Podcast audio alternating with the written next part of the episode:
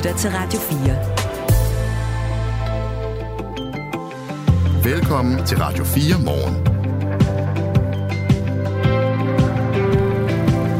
Det er den her time mellem 7 og 8, at vi skal have historien om Mette Frederiksens rygter. Eller det er ikke hende, der starter rygterne, men rygterne handler om hende. Nemlig det faktum, at øh, Mette Frederiksen måske vil gå efter posten som formand for det europæiske råd. Altså en anden toppost end den tidligere omtalte i NATO. Det er også i den her time, vi skal øh, se nærmere på debatten om, hvem der har ansvaret, og hvilke konsekvenser det skal have. De her overgrebssager fra to skoler, der er kommet frem de sidste par uger, Borup og Agedrup. Og endelig en tur på øh, i auktionshuset. 200.000 kroner er startbuddet for de originale Mohammed-tegninger af tegneren Kurt Vestergaard. Erik Gullager var ven af Kurt Vestergaard, mens han levede. Altså, mens Vestergaard levede. Erik Gullager lever endnu, og han kommer i studiet om kvarter. Din hverdag her til morgen, det er Kasper Harbo og Michael Robach. Klokken er 6 minutter over 7, og det er onsdag. Ja, godmorgen. Godmorgen. Du lytter til Radio 4. Dansk Folkepartis medlem af Europaparlamentet, Anders Vistisen, rejser i dag til USA for at deltage i den republikanske kongres CPAC. Og det gør han for at vise sin støtte til partiets præsidentkandidat, Donald Trump. Anders Vistisen, godmorgen. Godmorgen. Du er altså Dansk Folkepartis medlem af Europaparlamentet. På øh, det sociale medie X, der skriver du, at du egentlig selv havde foretrukket en anden kandidat end Trump, og så alligevel så rejser du til USA ved middagstid. Hvorfor egentlig det? Ja, så altså, det er jo ikke nyt, vi deltager i CPAC, som er, er den største konservative konference i USA, der bredt samler republikanske politikere og meningsdannere. Men det gør vi jo, fordi vi tror på, at det transatlantiske forhold er det vigtigste i Danmarks øh, sikkerheds- og udenrigspolitik, og derfor er det vigtigt, at vi har relationer til USA, øh, øhm, og øh, som konservativ politiker hvad øh, mener det betyder det jo, at man har relationer til det republikanske parti. Men støtter du Trump? Jamen, altså, det er jo amerikanerne, der vælger, hvad for nogle præsidentkandidater de har, men øh, det er i hvert fald støttet, det er, at vi ikke skal gå den der europæiske vej, hvor man tror på, at vi kan undvære USA, og derfor er vi nødt til at have relationer til øh, amerikanerne, øh, og det er jo derfor, jeg tager det over.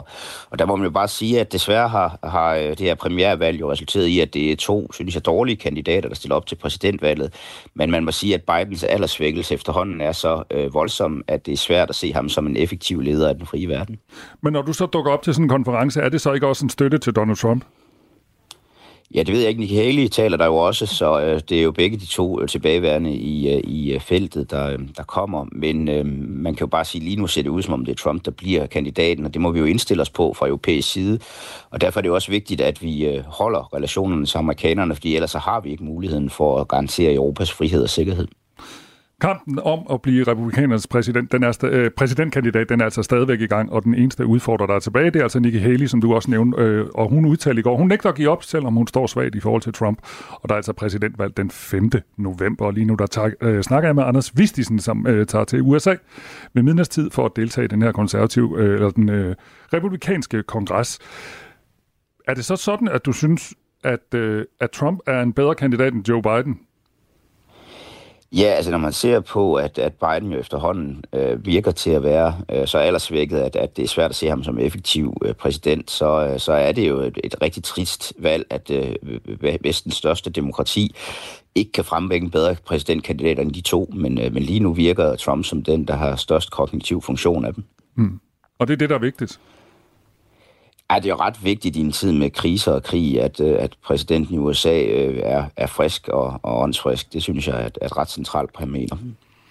I weekenden så blev øh, Trump dømt for bedrageri, og han har også fået et forbud mod at drive virksomhed i New York i tre år, og han har også tiltalt for at forsøge at omstøde valget i 2020, hvor han altså tabte til Joe Biden, og så er der masser af andre retssager i øvrigt. Har du nogle betænkeligheder ved ligesom du dukker op, støtter Trump, og i forhold til de her øh, retssager, øh, jo, må, jo måske den mest alvorlige af dem alle sammen, altså det her med, at han er øh, tiltalt for at omstøde valget i 2020. Jamen, der er der masser af betænkeligheder ved Trump. Altså, han er da ikke på nogen måde en ideel øh, præsident. Det øh, tror jeg ikke, der har nogen, der mener. Øh, nu er det jo også en konference, hvor der deltager rigtig mange republikanske beslutningstagere, og hvis vi for eksempel skal fastholde republikansk støtte til NATO og andre ting, øh, så er det jo væsentligt, at man også har dialog med senatorer, med kongresmedlemmer, med de beslutningstagere, der er rundt omkring en præsident, fordi USA er jo heldigvis ikke et diktatur, og derfor så er det jo en bred berøringsflade, der er vigtig for at fastholde de her transatlantiske øh, bånd.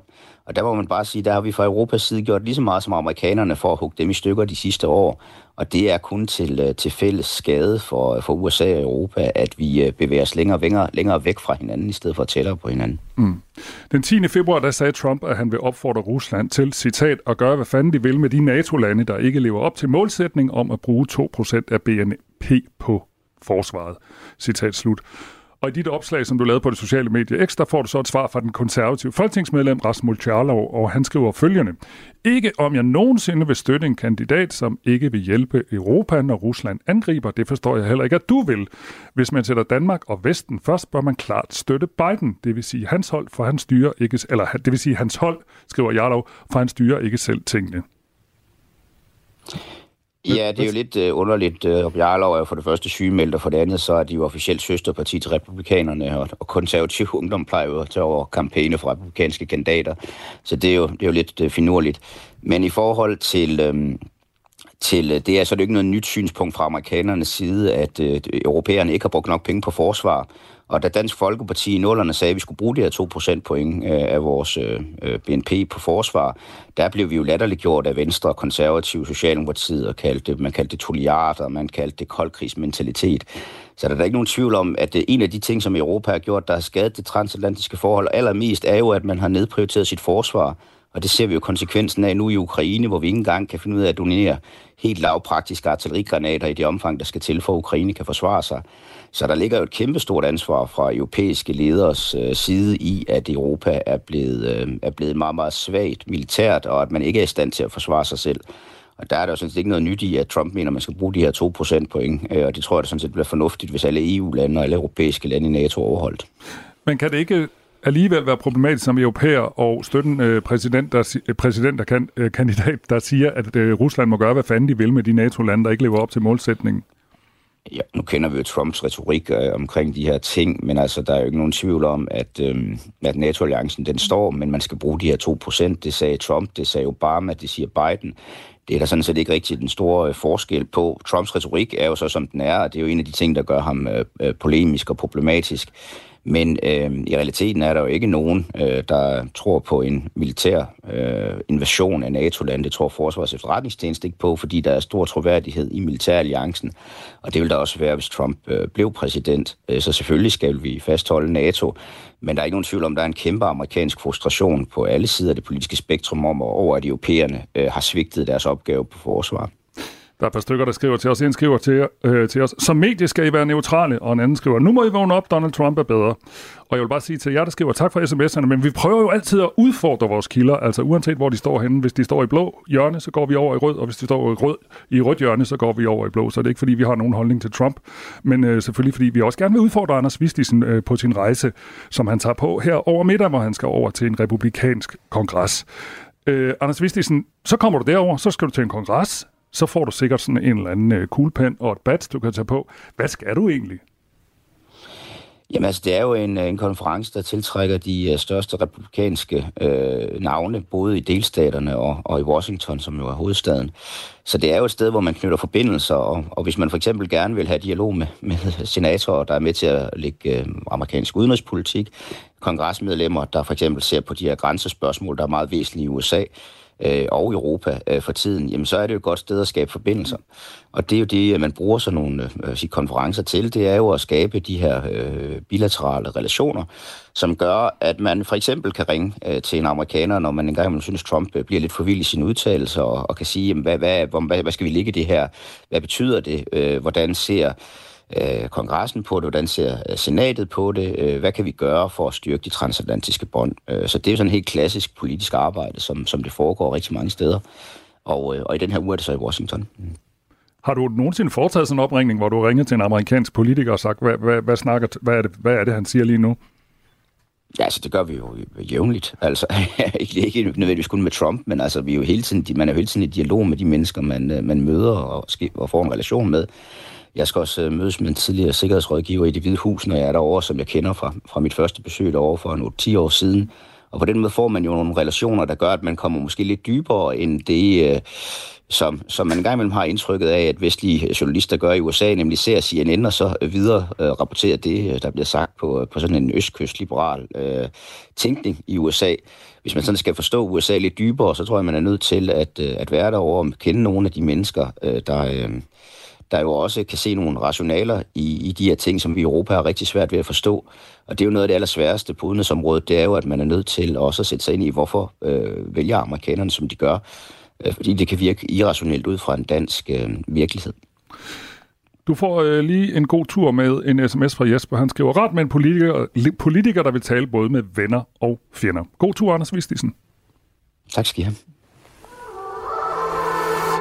To piger, en på 8 og en på 10, de bliver øh, brutalt myrdet.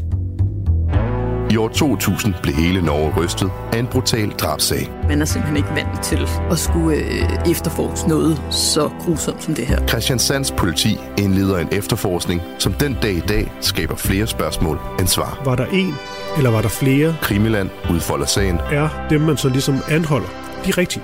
Lyt med i Radio 4's app, eller der, hvor du lytter til podcast. Klokken er 16 minutter over syv. Det er noget af en samtale starter, du snart kan få mulighed for at hænge over din pejs. Ja. De originale Mohammed-tegninger af Åh. satiretegner Kurt Vestergaard er nemlig nu sat på auktion. Og måske er der nogen, der undrer sig over, at øh, jeg taler i flertal om Kurt Vestergaards Mohammed-tegninger, fordi den er jo i den kollektive bevidsthed bare én tegning af en mand med en turban på, som også udgør en bombe.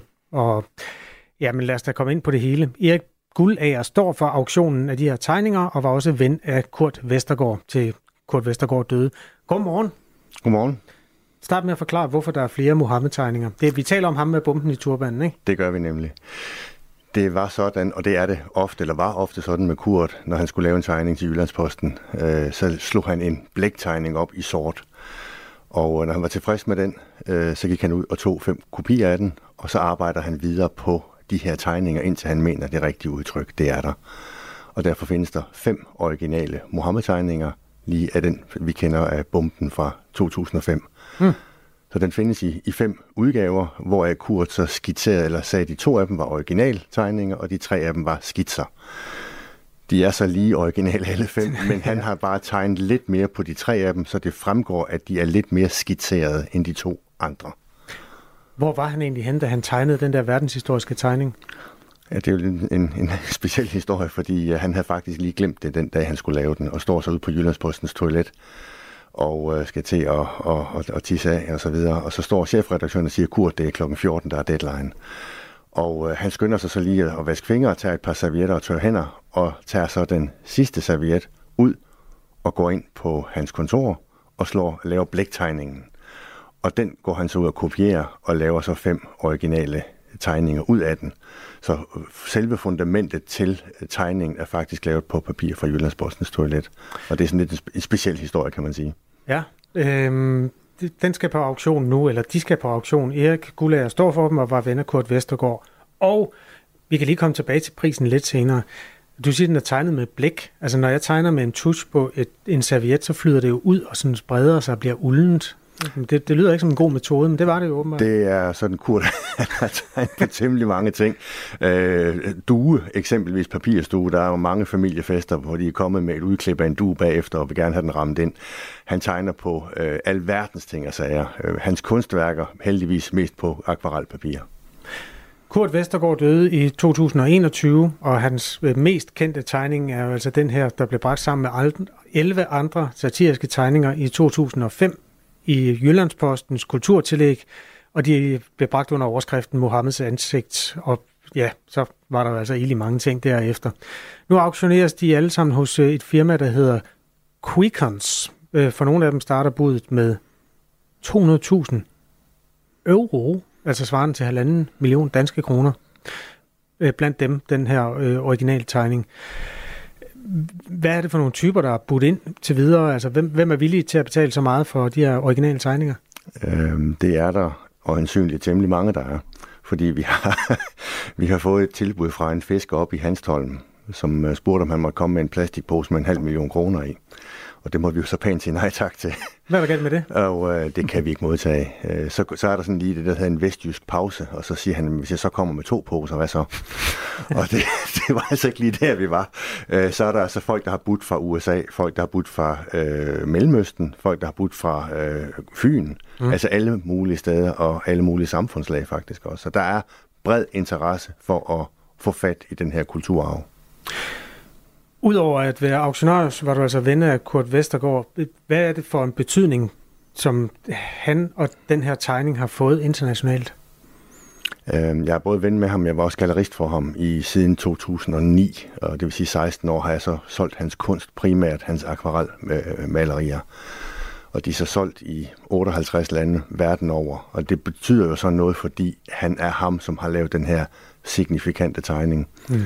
Bliver hans billeder mere værd, efter at øh, han fik den her berømt, skråstreget berygtighed?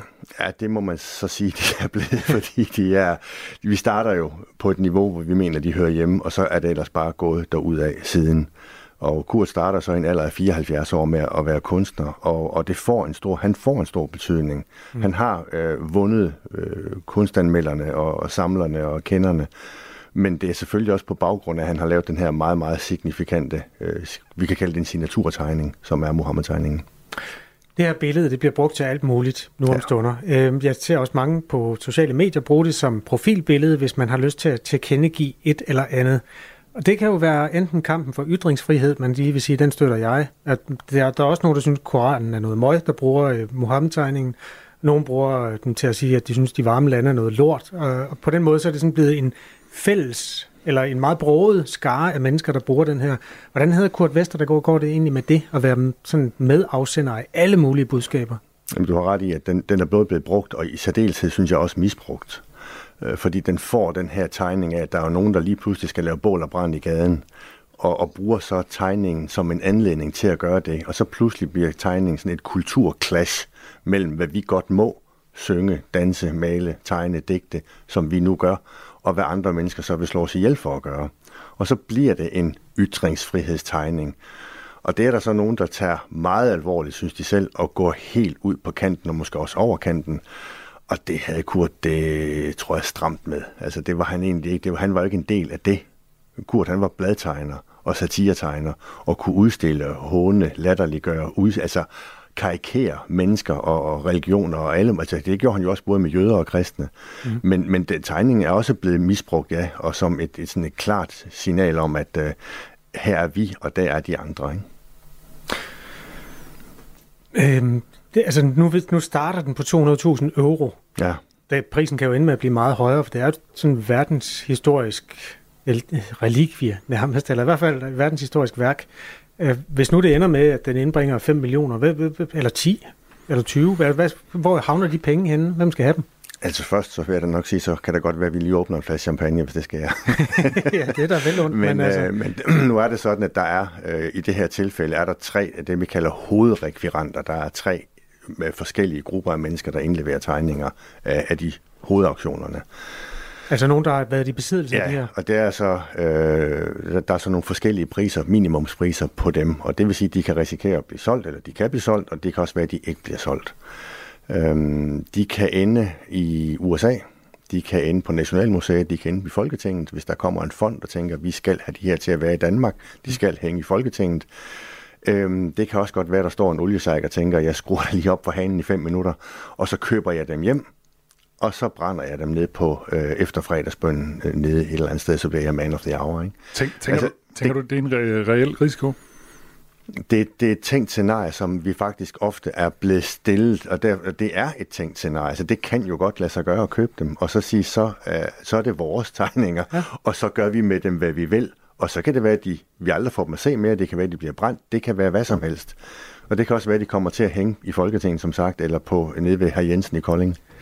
På en eller anden måde synes jeg, det er en dragende tanke, hvis en eller anden sheik køber dem for 20 millioner euro og brænder dem, og tror, at han aldrig nogensinde skal se den tegning igen, fordi så bliver han godt nok skuffet.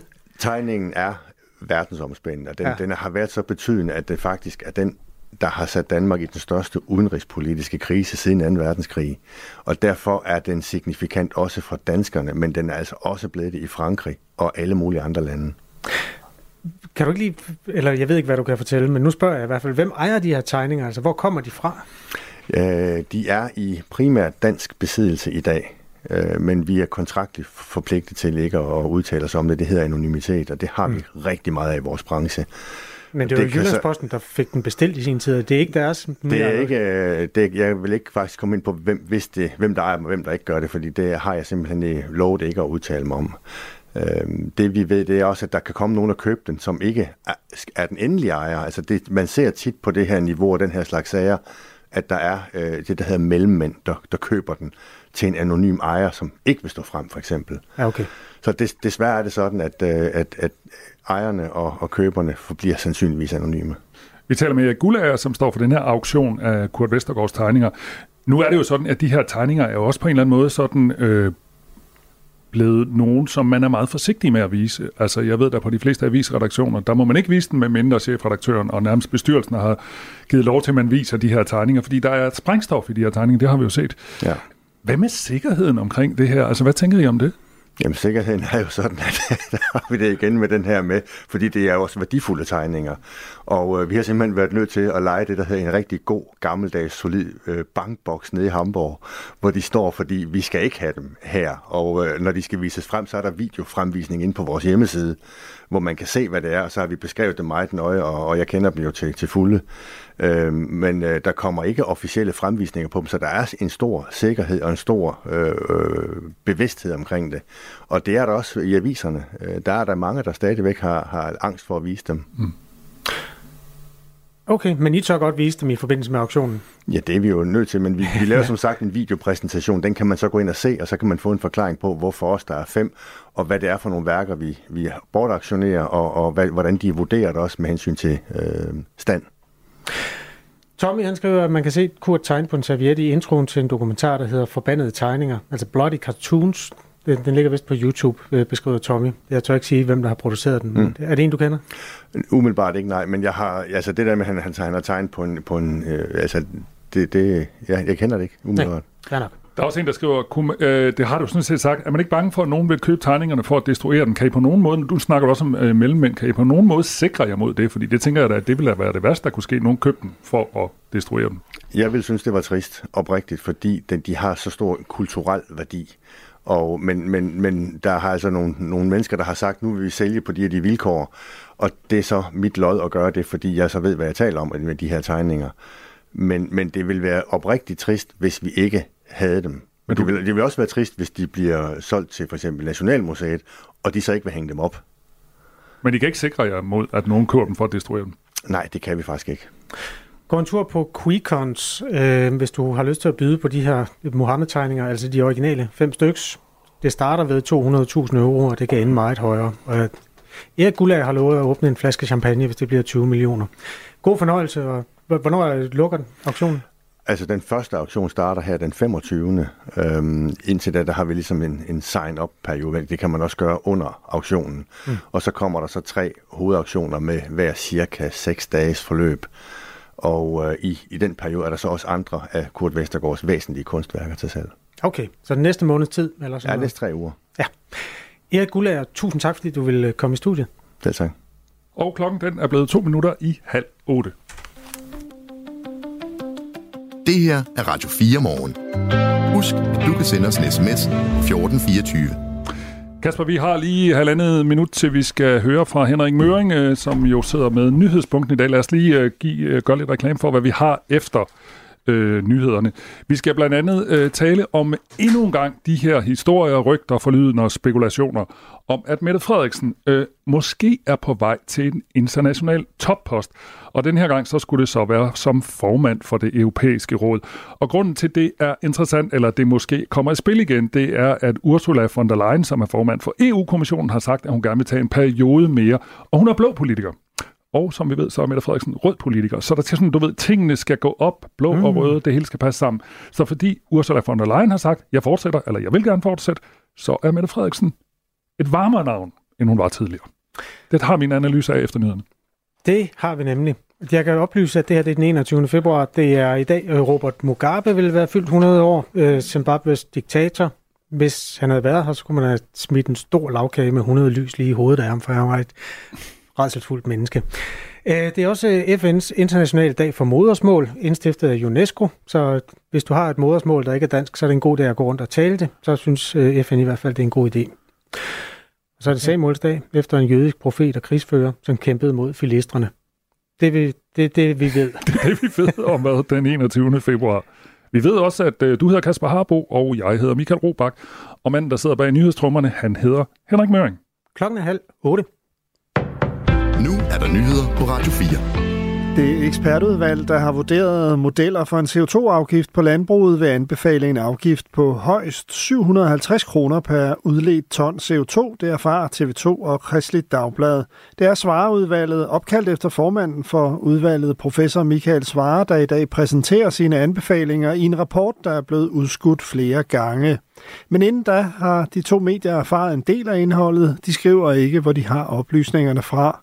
Ifølge Kristelig Dagblad har udvalget udformet tre modeller med tre forskellige satser. Den højeste sats er 750 kroner, mens de to andre ligger på henholdsvis 350 og 150 kroner per udledt ton CO2. 750 kroner per ton CO2 er den afgift, der er vedtaget for industrien. Miljøøkonomisk vismand Lars Gården Hansen siger til TV2, at en afgift på 750 kroner vil kunne mærkes på CO2-udledningen. Jamen, det vil have en betydelig effekt, altså give et øh, kraftigt incitament til, at landbruget reducerer CO2-udledningerne. SVM-regeringen har i sit regeringsgrundlag varslet, at der skal laves en CO2-afgift. Den har været stærkt omdiskuteret, og blandt andet har flere i Venstres bagland talt imod. For landbruget har der været bekymring om, at en CO2-afgift kan føre til tab af arbejdspladser i landbruget, hvis produktionen flytter til udlandet. Men det vil ikke ske, og alternativet er værre, siger den miljøøkonomiske vismand til tv-stationen det er vigtigt at, at, at være, være klar på, at de bliver ikke sendt ud af landet. De bliver sendt til, til byerne i Danmark. Øh, og hvis man ikke får de relativt billige reduktioner, som ligger i landbruget, så skal det tages dyre reduktioner andre steder i samfundet. Og så kommer vi til at sende arbejdspladser ud af landet. Svareudvalget præsenterer rapporten kl. 11 i dag. Kun knap hver tiende europæer tror på, at Ukraine kan vinde krigen over Rusland og genvinde sit territorium. Det viser en ny undersøgelse fra tænketanken European Council on Foreign Relations. Støtten til Ukraine er fortsat høj, men de fleste adspurgte, 37 procent, tror, at krigen vil ende med en form for kompromisaftale mellem Rusland og Ukraine. 20 procent tror på sejr til Rusland. Undersøgelsen blev gennemført i januar i 12 europæiske lande, her blandt Frankrig, Tyskland og Sverige. Donald Trump risikerer at få beslaglagt sine skyskrabere. New Yorks justitsminister Letitia James siger, at hun er klar til at gå efter beslaglæggelse af ekspræsident i USA Donald Trumps aktiver, hvis han ikke betaler en bøde på 355 millioner dollar. Det siger hun til ABC News. And we will ask the judge to seize his assets. Vi vil bede dommeren om at beslaglægge hans aktiver, siger hun. Beløbet, som Trump skal betale, svarer til knap 2,5 milliarder kroner. Trump fik bøden i sidste uge, fordi han gennem et årti har overdrevet værdien af sit familieforetagende med op til knap 25 milliarder kroner. Ekspræsidenten har appelleret bøden. Den 29. maj skal sydafrikanerne til stemmeboksene, når der afholdes nationalt valg og valg i landets ni provinser. Det meddelte landets præsident Cyril Ramaphosa i går, skriver AFP. Meningsmålinger viser indtil videre, at Ramaphosa's parti for første gang kan ende med færre end 50 procent af stemmerne, og dermed kan blive nødt til at dele magten. Præsidentens parti African National Congress, ANC, ligger dog fortsat til at få flest stemmer. På landsplan gælder valget sammensætning af parlamentets underhus, nationalforsamlingen, som så skal vælge den præsident, der skal forme en ny regering. Først diset og lidt regn, senere klarer det op, 5-9 grader og lidt til frisk vind omkring vest. Det her er Radio 4 morgen. Husk, at du kan sende os en sms på 1424. Hvem har ansvaret, og hvad skal der ske med de elever, der har lavet overgreb på andre elever på skolerne i Borup og Agedrup? Det er ret nærværende diskussioner lige nu, fordi bolden bliver spillet rundt mellem skoleledelse og kommuner, og nu bliver den sådan set også spillet helt ind på Christiansborg. Det her det er Køge borgmester Marie Stærke, altså socialdemokrat, som jo altså er borgmester for den kommune, hvor Borup skole hører under. I de konkrete henvendelser, underretninger osv., der er der sket en opfølgning. Lovgivningen siger, at vi skal følge op inden for 24 timer. Der skal der ske en indsats, og det er præcis det, vi har gjort. Men man kan jo godt sige, at bagudrettet kunne man have gjort noget anderledes med den viden, vi har i dag. Og det er der, hvor vi godt kunne bruge, at ministeriet går ind eller nogle andre fra anden instans går ind og hjælper os og kigger os over skuldrene og siger, er der noget andet, vi kunne have gjort? Og helt generelt set, så, øh, så synes jeg, det er en meget relevant øh, diskussion, der er blevet rejst af flere landstægtende politikere om, øh, det skal være nemmere, at, øh, at nogle børn måske ikke skal gå på den folkeskole, de ellers har gået på. Ja, og således starter et overgreb altså på en lokal folkeskole, og kommunalpolitikerne forholder sig til det, og i den sidste ende, der ender debatten inde på Christiansborg hvor øh, blandt andet Sigurd Aersnap sidder, SF's undervisningsordfører, og er lidt skumrasende over den her debat i øvrigt. Godmorgen. Godmorgen. Hvad har du imod debatten? Ikke, ikke så rasende, men okay. øh, ja. Du er kritisk i hvert fald. Ja, det er jeg. Hvorfor? Nå, men fordi, fordi man, øh, man i dag kan bortvise øh, elever. Altså, man har øh, muligheden øh, ude i kommunerne at bortvise enten med forældrenes samtykke, men også øh, uden forældrenes samtykke.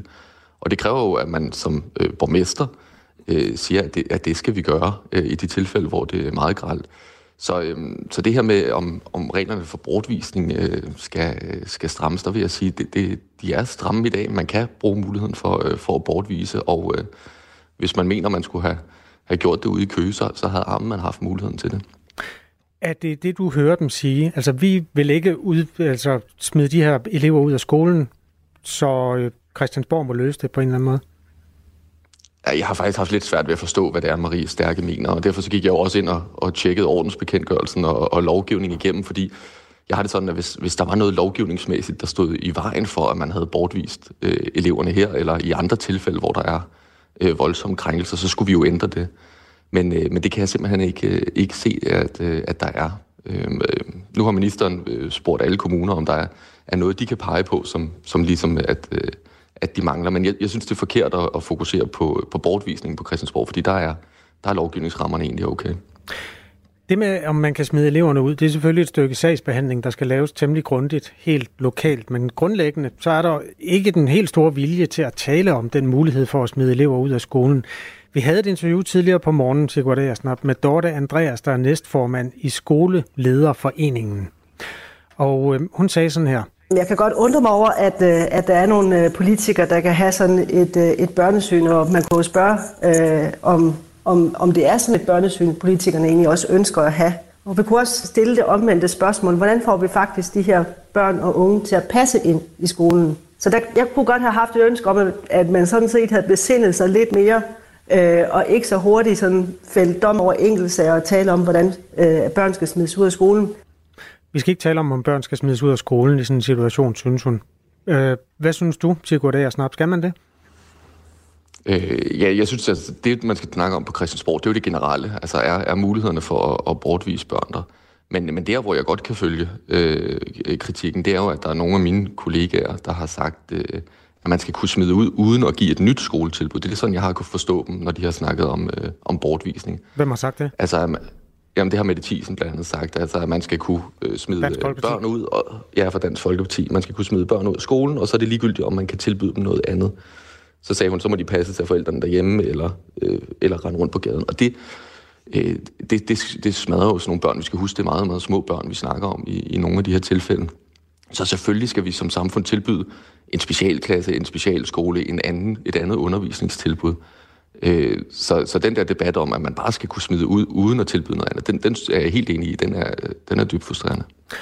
Vi kan se på de reaktioner, der kommer ind, at man omvendt har en gruppe forældre til børn, og også øh, mennesker, der bare er jagttager i det her felt, at de har svært ved at forstå, at man begynder at tale om en eller anden form for omsorg for dem, der har begået overgrebene. Hvordan anskuer du egentlig den debat, øh, Sigurd Agersnap? Jamen, det, jeg, jeg kan sagtens forstå forældrenes frustrationer. Jeg har også sådan, at, øh, at man skal ikke øh, som barn opleve at mødes, altså have ondt i maven ved at gå i skole, fordi man risikerer at møde sin krænker dagen efter. Øh, jeg, jeg synes, det der, det der virkelig mangler i debatten, og der hvor jeg kan levere noget som politiker, det er jo, øh, hvordan hjælper vi skolerne til ikke at stå alene i de her sager? Fordi det, det er jo meget svære sager, der lige pludselig opstår på en skole, og der har man slet ikke de specialpædagogiske kompetencer. Så det, jeg mener, vi kan gøre noget ved for Christiansborg, det er at sikre, jeg har foreslået et, et rejsehold øh, af specialpædagoger, som kan komme ud og hjælpe skolerne i de her tilfælde. Øh, så man ligesom finder ud af, hvad, hvad skal gøres, øh, hvordan finder vi et andet tilbud til børnene, hvis det er, øh, hvis det er nødvendigt. Så jeg kan sagtens forstå frustrationen. Jeg synes bare, at det, der er en politikers opgave, det er jo ikke at være børnesagsbehandler eller øh, afsige dom i de her sager. Det er jo at sige, hvad, hvad, hvad der er af politiske muligheder i sådan nogle sager. Navnet Rejseholdet, det er kendt fra en tv-serie, der handler om nogle øh, kriminalbetjente øh, og kriminalteknikere, der rejser rundt og løser særlige øh, komplicerede kriminalsager, ofte mor eller voldtægter eller begge dele. Øhm, altså er det, er det sådan nogen, der skal tage sig af de aller værste sager, som du foreslår her?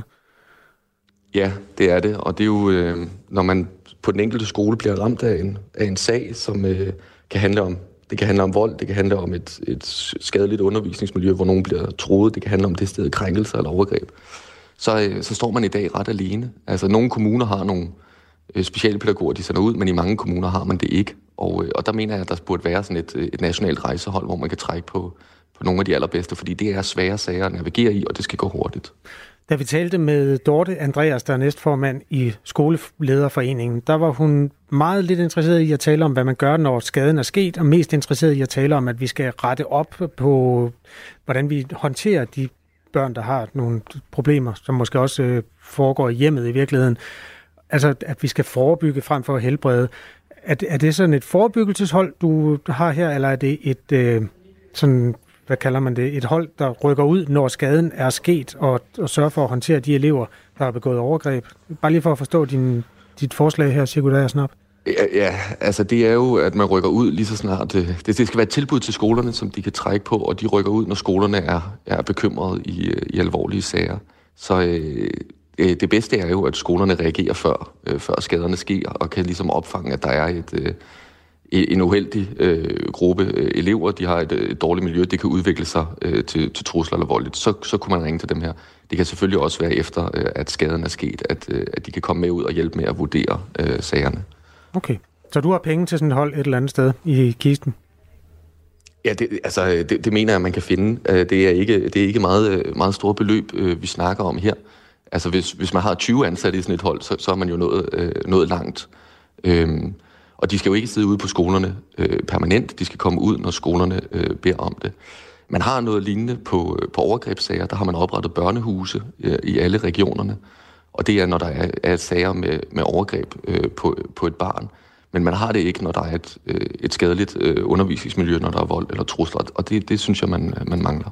Sigurd Ager Snap er undervisningsordfører hos SF. Tak fordi du var med i Radio 4 her til morgen. Selv tak. Klokken er 7.42. Det her er Radio 4 morgen. Her til morgen er der sikkert mange landmænd, der holder vejret, fordi om godt tre timer så øh, udløses spændingen, kan man sige, for klokken 11, så bliver en længe ventet rapport endelig udgivet. Og der er næsten garanti for både diskussioner og ballade, for rapporten kommer med anbefalinger og modeller for, hvordan en kommende CO2-afgift for landbruget kan se ud. Svarrapporten hedder den, og den kommer til at være udgangspunkt for de politiske forhandlinger om en CO2-afgift, som regeringen har lovet kommer senere på året. Andreas Arp, han er redaktør og journalist på netmediet Altinget, og han dækker landbrugs- og fødevarepolitik. Godmorgen. Godmorgen. Hvad tænker du, øh, eller nu sagde jeg lige, at landmændene holder vejret. Hvorfor egentlig det? Om de holder vejret, fordi som du, som du selv siger, så er det her en, en dag, øh, rigtig mange har set frem til længe. Det er også en dag, der er blevet udskudt øh, rigtig længe af, af forskellige årsager.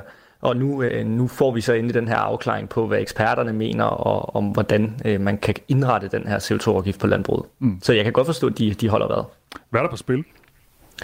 Jamen, der er mange ting på spil. Altså man kan jo helt, helt grundlæggende og overordnet, så har politikerne jo i de seneste år lagt nogle planer for, hvordan man skal nå den her efterhånden lidt mytiske 70% målsætning i 2030, altså i klimamålet. Men mens der er blevet truffet beslutninger om de andre sektorer, der, der udleder drivhusgasser, så mangler landbruget stadig at anvise en vej til, hvordan deres udledninger kan blive reduceret. Og landbruget står for en tredjedel af de samlede drivhusgasudledninger i Danmark, så det er en ret stor del, der stadig mangler. Så det der er på spil, og grund til, at rapporten er så speciel, det er fordi regeringen har lovet, at den vil indføre en CO2-afgift på landbruget, og at den CO2-afgift på landbruget ligesom skal sikre, at landbruget leverer sin del til klimamålene. Men da ingen andre lande ligesom har gjort det før, så har man, så har man spurgt nogle eksperter, hvordan kan vi gøre det her, og det er jo, det er jo de anbefalinger, vi nu får løftet sløret for. Både TV2 og Kristi Dagblad de erfarer en lille smule for det her udspil, der kommer senere. Ifølge Kristi Dagblads oplysninger, så bliver der præsenteret tre modeller for en afgift på henholdsvis 750 kroner, 350 kroner og 150 kroner per ton udledt CO2. Og jo mindre den her afgift bliver, jo, mere, øh, jo flere andre tiltag skal politikerne jo så finde på. Og de her tal er jo enormt svære at forholde os til. Altså, men hvad siger det om de forhandlinger, der skal i gang? Øh, jamen altså, det er egentlig ikke så, så overraskende, da, da eksperterne øh, har jo også lavet nogle anbefalinger til, til den afgift, som, som nu er blevet aftalt, skal komme fra industrien. Og der, der, der præsenterede de også nogle forskellige modeller, øh, som, og, og det er jo så også det, man kan forvente her nu. Som du selv siger, vi har ikke set de endelige, de endelige anbefalinger endnu, men det kommer til at være en række modeller, som vil blive mere eller mindre indgribende over for landbruget, og så, så kan politikerne ligesom vælge imellem dem øh, fra, fra den høje afgift, der gør omstillingen så billig som muligt for samfundet, til en, til en lavere afgift, der, der i højere grad vil kunne holde, holde hånden over nogle arbejdspladser i landdistrikterne. Øh, øh, ja, jeg taler med Andreas Arp, som er journalist og redaktør på netmediet Altinget, og øh, Andreas arbejder hovedsageligt med øh, fokus på landbrugs- og fødevarepolitik. Andreas, du har fået en sms fra Jesper. Han skriver, jeg forstår ikke helt problemet, for regningen ryger jo bare ud til forbrugerne, ligesom øh, andre brancher. Det er vel forbrugerne, der burde blive sure, og ikke landmændene. Forstår du spørgsmålet? Øh, ja, jeg forstår godt spørgsmålet. Øh, jeg forstår godt spørgsmålet, men, men i første omgang bliver det jo landbruget, der, der, der, hvad hedder det, der skal betale regninger. Og det man også skal huske med landbruget her er jo, at, at det danske landbrug producerer rigtig mange fødevarer, men at rigtig mange af de fødevarer bliver eksporteret til udlandet. Øh, det er omkring 80-85 procent af den, de, de fødevarer, som landbruget producerer, som, øh, som, som går til andre lande. Og det vil også sige, at det er ikke nødvendigvis en, en regning, hvis det, hvis det er landbruget, der, der bliver pålagt en, en afgift, som, som de danske forbrugere øh, direkte kommer til at mærke til. Men i forlængelse af det her, så har der jo været en debat om præcis, hvor af, den her afgift skal lægges, altså hos forbrugerne eller i produktionen. Er det helt mm. sikkert, at den kommer til at ligge på produktionen? Det, det, det, det er det, ja. I den forstand, at hvis du vil lave en afgift, som skal bidrage til de danske klimamålsætninger, så bliver du nødt til øh, på en eller anden måde at lægge en afgift på produktionen, fordi det er produktionen, altså landbruget herhjemme, det er køernes bøvser og prutter, det er, hvad hedder det, de her øh, lavbundsjord, man også har talt meget om. Det er dem, der udleder og bidrager til, den, til det danske klimamål. Øh, hvis du, hvis du lægger en afgift på på, øh, på køledisken, øh, så vil det i højere grad påvirke vores, øh, vores forbrugers øh, globale klimaforbrug, og dermed også de varer, vi importerer fra andre lande. Men når en så stor del af landbrugets øh, udledninger, eller undskyld, en så stor del af landbrugsproduktion bliver eksporteret til andre lande, jamen så vil en afgift på køledisken jo heller ikke nødvendigvis øh, regulere så meget ved, ved, ved landbruget, altså det danske landbrugs udledninger, som jo er dem, vi skal have ned, hvis, øh, hvis vi skal nå klimamålene. Mm. Den her rapport, den skal så fungere som et udgangspunkt for forhandlinger om de her øh, konkrete CO2-afgifter på øh, Christiansborg, eller i landbruget, men forhandlingerne skal være på Christiansborg. Og nu har mm. vi jo mm. den her øh, regering, hvor både Venstre og Socialdemokratiet sidder ved siden af hinanden, og Venstre er jo et parti, med sådan store dele af landbruget som bagland. Øh, bagland. Hvad, hvad, hvad, hvad, hvad, hvad, hvad tænker du om de politiske forhandlinger, der venter? Øh, jamen, det bliver spændende. altså, man, man, man, regeringen har jo gjort det, at de har placeret den her proces i et, i et videre forløb, som de har kaldt en grøn trepart, hvor regeringen jo så selv sidder med sammen med Landbrug og Fødevare, Danmarks Naturfredningsforening og så en række andre organisationer. Når nu anbefalingen de kommer fra eksperterne her kl. 11, så, så bliver det faktisk trepartens opgave at komme med et bud på, hvordan de mener, at afgiften skal se ud. Og først derefter vil regeringen så præsentere sit egentlige forslag. Så på den måde har, har regeringen jo købt sig lidt tid i de der interne forhandlinger, fordi man, man har inviteret nogle organisationer ind til, til at tage nogle af kampene. Øh, ikke nødvendigvis for dem, men, men, men prøve at få dem med i, i diskussionerne også. Men man kan sige helt, helt generelt, uanset om kampen står i treparten eller interne regering, så vil fokus nok være på, på de afvej, den afvejning, der er mellem de her forskellige principper, som også er skrevet ind i klimaloven på den ene side, som du siger, vil, vil Venstre og nok også Landbrug og Fødevare, de vil argumentere for, at landbrug bliver nødt til at blive hjulpet på vej med nogle tilskud. De bliver nødt til at slippe billigere i afgift, og det skal de gøre af hensyn til den, til den sociale balance, øh, hensynet mellem land og by, arbejdspladser i landdistrikterne. Og så på den anden side har du, har du en part som, som Danmarks Naturfredningsforening, til dels også Socialdemokratiet, som nok i højere grad vil skele til det her princip om, jamen det er forureneren, der skal betale, også for at gøre det billigere for samfundet, og vi skal også have en nogenlunde garanti for, at, at vi kommer i mål med de her klimareduktioner, og derfor skal landbruget øh, betale mere. Når de har lavet den her proces, er det så også øh, en måde, hvor man så ligesom kan sige, at det er jo ikke os, der rigtig har taget beslutninger eller fundet på det, det er nogle andre? Det vil onde tunger mås- måske sige, det, det, det, det synes jeg nok egentlig ikke nødvendigvis. Jeg tror bare, man, man, man ved godt, at det her, det er, som du startede med at sige, det er omdiskuteret.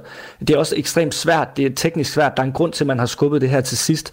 Så det er jo også et forsøg på at få så mange ind bag det som muligt, inden man begynder at, at lukke den her ånd ud af flasken og gøre det her så politisk betændt, som det kan øh, gå hen og blive. Hvis du kan få så mange som muligt bag det, hvis du kan få Landbrug Fødevare og Danmarks Naturfredningsforening til at nå frem til et kompromis, som regeringen kan stå på, så bliver det også nemmere for dem at tage forhandlingerne med resten af Folketingets partier.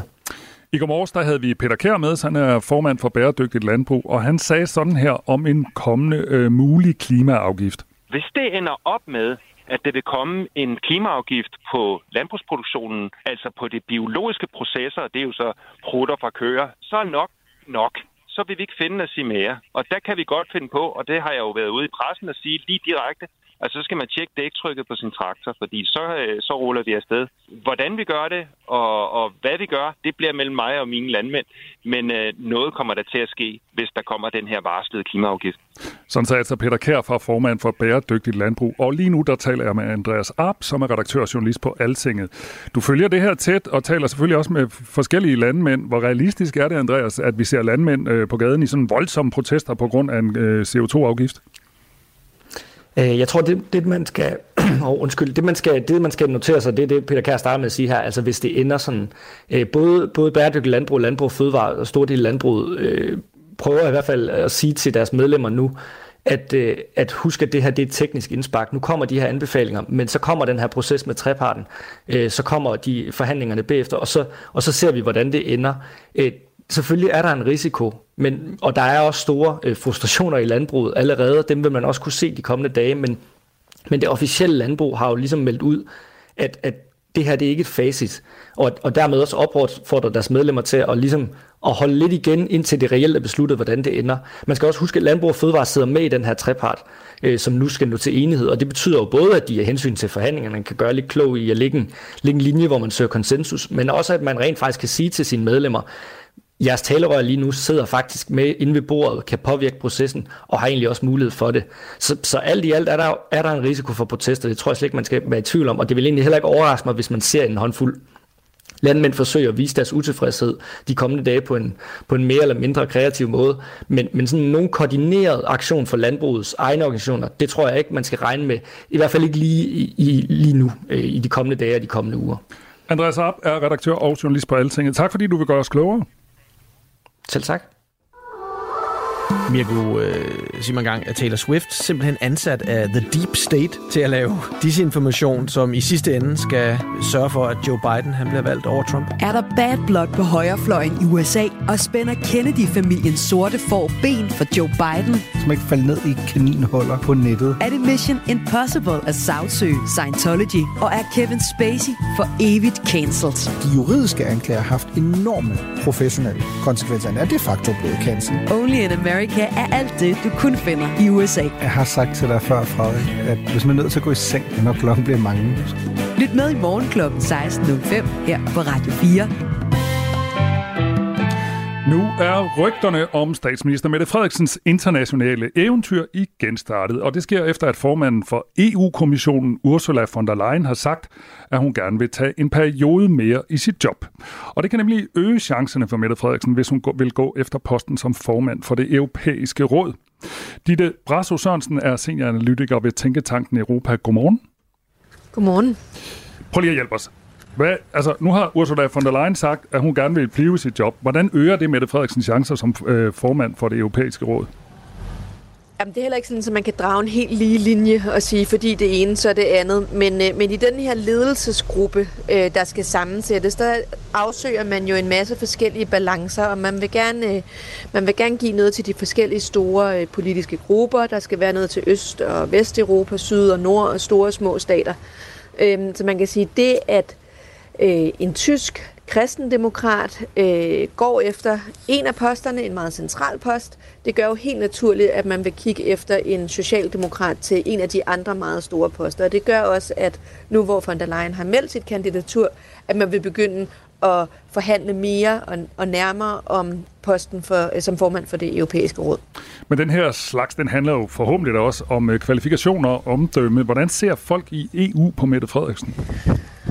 Jamen, hun bliver set som en stærk kandidat, øh, og er bestemt en kandidat, på, som er på radaren øh, internationalt, og det har hun jo været noget tid. Det er jo ikke første gang, at øh, der går de her rygter om, at Mette Frederiksen er i spil til en øh, toppost. Det var hun jo også, øh, det rygtedes i hvert fald, og det var hun også til, øh, til NATO Øh, øhm, så både det, at hun har været i spil længe, og hun har stor gennemslagskraft i, øh, i internationale øh, medier, det synes jeg viser, at hun er en, der bliver lyttet til og, og kigget på. Og det svækker hende ikke sådan, at øh, hun også var i spil til et øh, NATO-job. Jeg tænker sådan, for alle os andre dødelige, hvis man bare søger sådan med spredehavl, så bliver en chance måske lidt svækket, man bare vil afsted til noget andet. Øhm, nej, jeg tror ikke, man skal forstå det sådan, og jeg synes heller ikke, man skal se det som, at der bliver søgt med, med, med øh, spredehavl. Altså, det er øh, meget få af de her internationale topposter, der er i spil. Der er bare mange øh, lige nu. Den danske statsminister, altså Mette Frederiksen, hun har også fået sådan en del international omtale den seneste tid. Hun var med til at indvige en våbenfabrik i Tyskland, og hun var også sådan en prominent stemme under den årlige sikkerhedskonference i München. Hvad er det et udtryk for, tror du egentlig, at hun sådan ses sådan lige for tiden temmelig ofte på den europæiske scene? Jamen, altså, der er to ting i det. Det ene, det ene er jo det her med, at hun bliver lyttet til. Ikke? Altså, hun er en øh, kandidat, der markerer sig stærkt på Ukraine-dagsordenen. Hun er også en øh, statsminister, som i hvert fald øh, ad år er blevet en meget stærk EU-fortaler og en statsminister, som har fået fjernet et af de danske forbehold, som har markeret sig øh, også ud over landets grænser på, på EU-dagsordenen. Og så er der jo også den anden logik i det. Altså, det er jo også Mette Frederiksen, der gør sig bemærket. Øhm, og måske også gerne vil bemærkes, altså i sætter sig selv, både som du siger på øh, i München, men jo også særligt i, i den her tætte relation til øh, den tyske øh, socialdemokratiske kansler øh, Scholz, hvor hun var nede og indvige den her våbenfabrik. Så jo også en, en form for sådan en PR-tur. Så kan vi konkludere egentlig, at hun er i gang med at gøre sig klar til kandidat som, den her, øh, øh som kandidat til den her toppost? Altså, det, det ved kun hun jo, mm. men, øh, men jeg synes, at der er meget, der tyder på, at hun øh, i hvert fald gerne vil ses internationalt. Formanden for det europæiske råd bliver også kaldt EU's præsident, og EU's præsident vælges af EU's stats- og regeringschefer for en periode på to og et halvt år, og man kan genvælges en gang. Den nuværende formands mandat udløber 30. november 2024, og det europæiske råd består af stats- og regeringscheferne i de 27 lande, samt formand for EU-kommissionen og EU-præsidenten. Og lige nu der taler jeg med Ditte Brasso Sørensen, som er senioranalytiker ved Tænketanken Europa. Hvad vil det egentlig betyde for os, øh, hvis vi får en dansker på den post? Har det nogen som helst betydning for os danskere? Jamen altså, øh, enhver, der sidder i den stol, øh, den, den persons rolle vil jo være at finde kompromiser mellem stats- og regeringscheferne, øh, så det er udgangspunktet ikke taler om en position, hvor man skal ind og fremme øh, danske holdninger øh, eller, eller danske positioner på bestemte politikområder. Men altså, det skader jo aldrig at have en, en national spydspids med et øh, meget stærkt internationalt netværk, og jo også en god forståelse for, hvor man kommer fra øh, fra den side. Mm.